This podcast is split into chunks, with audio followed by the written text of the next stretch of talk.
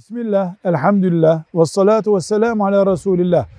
Rüya yorumu yapan kitapları güvenli kabul edebilir miyiz demiş kardeşimiz. Rüya yorumunu anlatan kitaplar, fıkıh gibi, hadis gibi, tefsir gibi bir e, ilim geleneğinden gelilerek öğretilmiyor.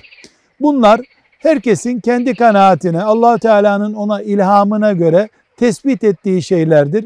Fıkıhtaki gibi helal, haram, farz, vacip, mekruh denebilecek tam kaynaklı bir bilgi değildir. Belli kullarına allah Teala bu konuda kabiliyet vermiştir. Doğru olma ihtimali var, yanılma ihtimali var. Bir bağlayıcı fetva gibi rüya yorumu kitabına bakamayız.